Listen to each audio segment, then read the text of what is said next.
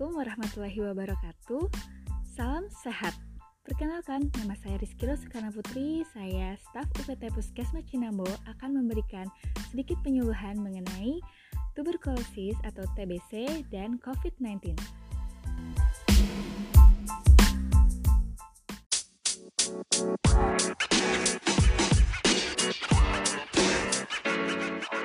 Saat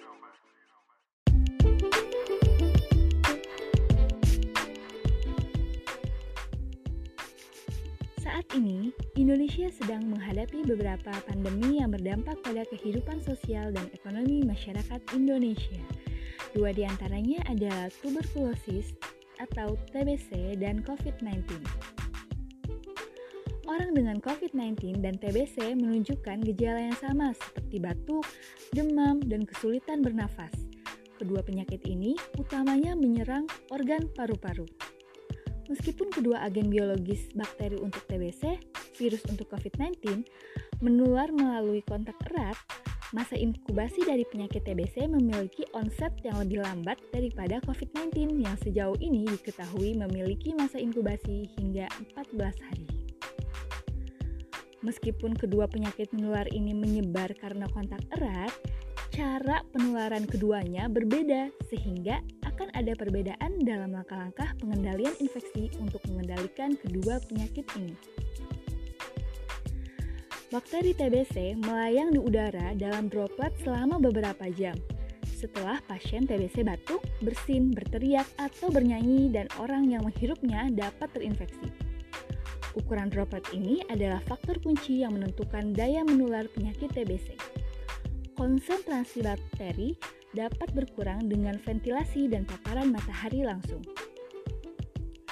Penularan COVID-19 terutama terjadi ketika seseorang menghirup droplet yang dikeluarkan seseorang dengan COVID-19, termasuk individu yang belum menunjukkan gejala klinis yang jelas.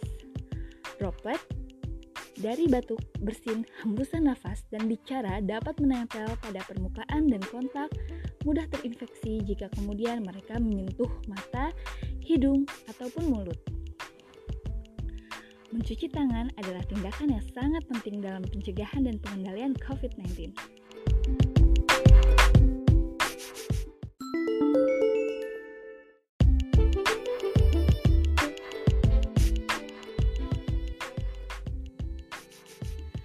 Apakah pasien TBC berisiko tinggi terinfeksi COVID-19? Jawabannya, COVID-19 dapat menyerang siapa saja, terutama mereka yang memiliki masalah kesehatan, termasuk gangguan kronis pada paru. Selain itu, anggota masyarakat yang rentan terhadap penularan COVID-19 termasuk kelompok lansia atau lanjut usia, pasien dengan gangguan jantung, mantan pasien TBC, dan diabetes. Apabila pasien TBC terinfeksi COVID-19, apa yang harus dilakukan?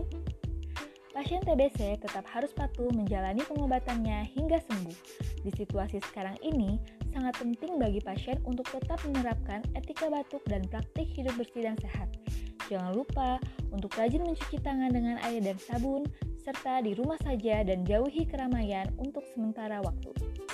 Apabila memiliki gejala COVID-19, segera hubungi penyedia layanan kesehatan atau hotline COVID-19.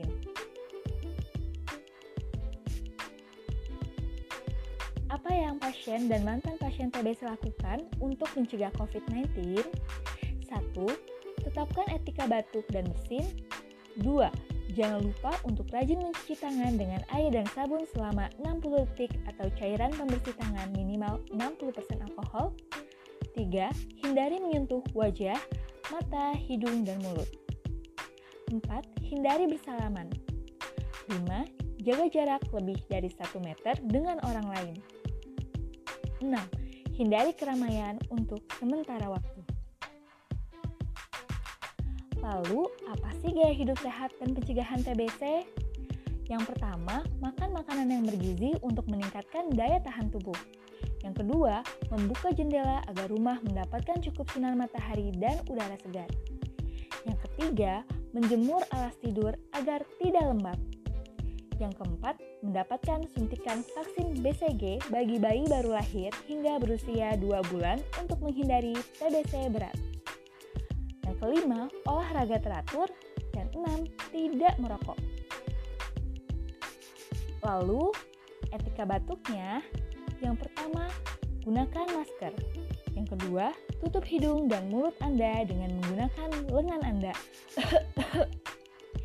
Tiga, tutup hidung dan mulut Anda dengan tisu atau sapu tangan. Yang keempat, segera buang tisu yang sudah dipakai.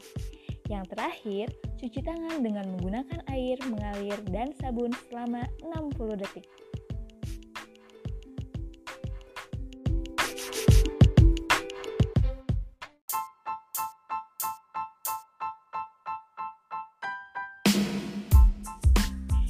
Ya, begitulah informasi yang dapat saya sampaikan. Sehat terus ya.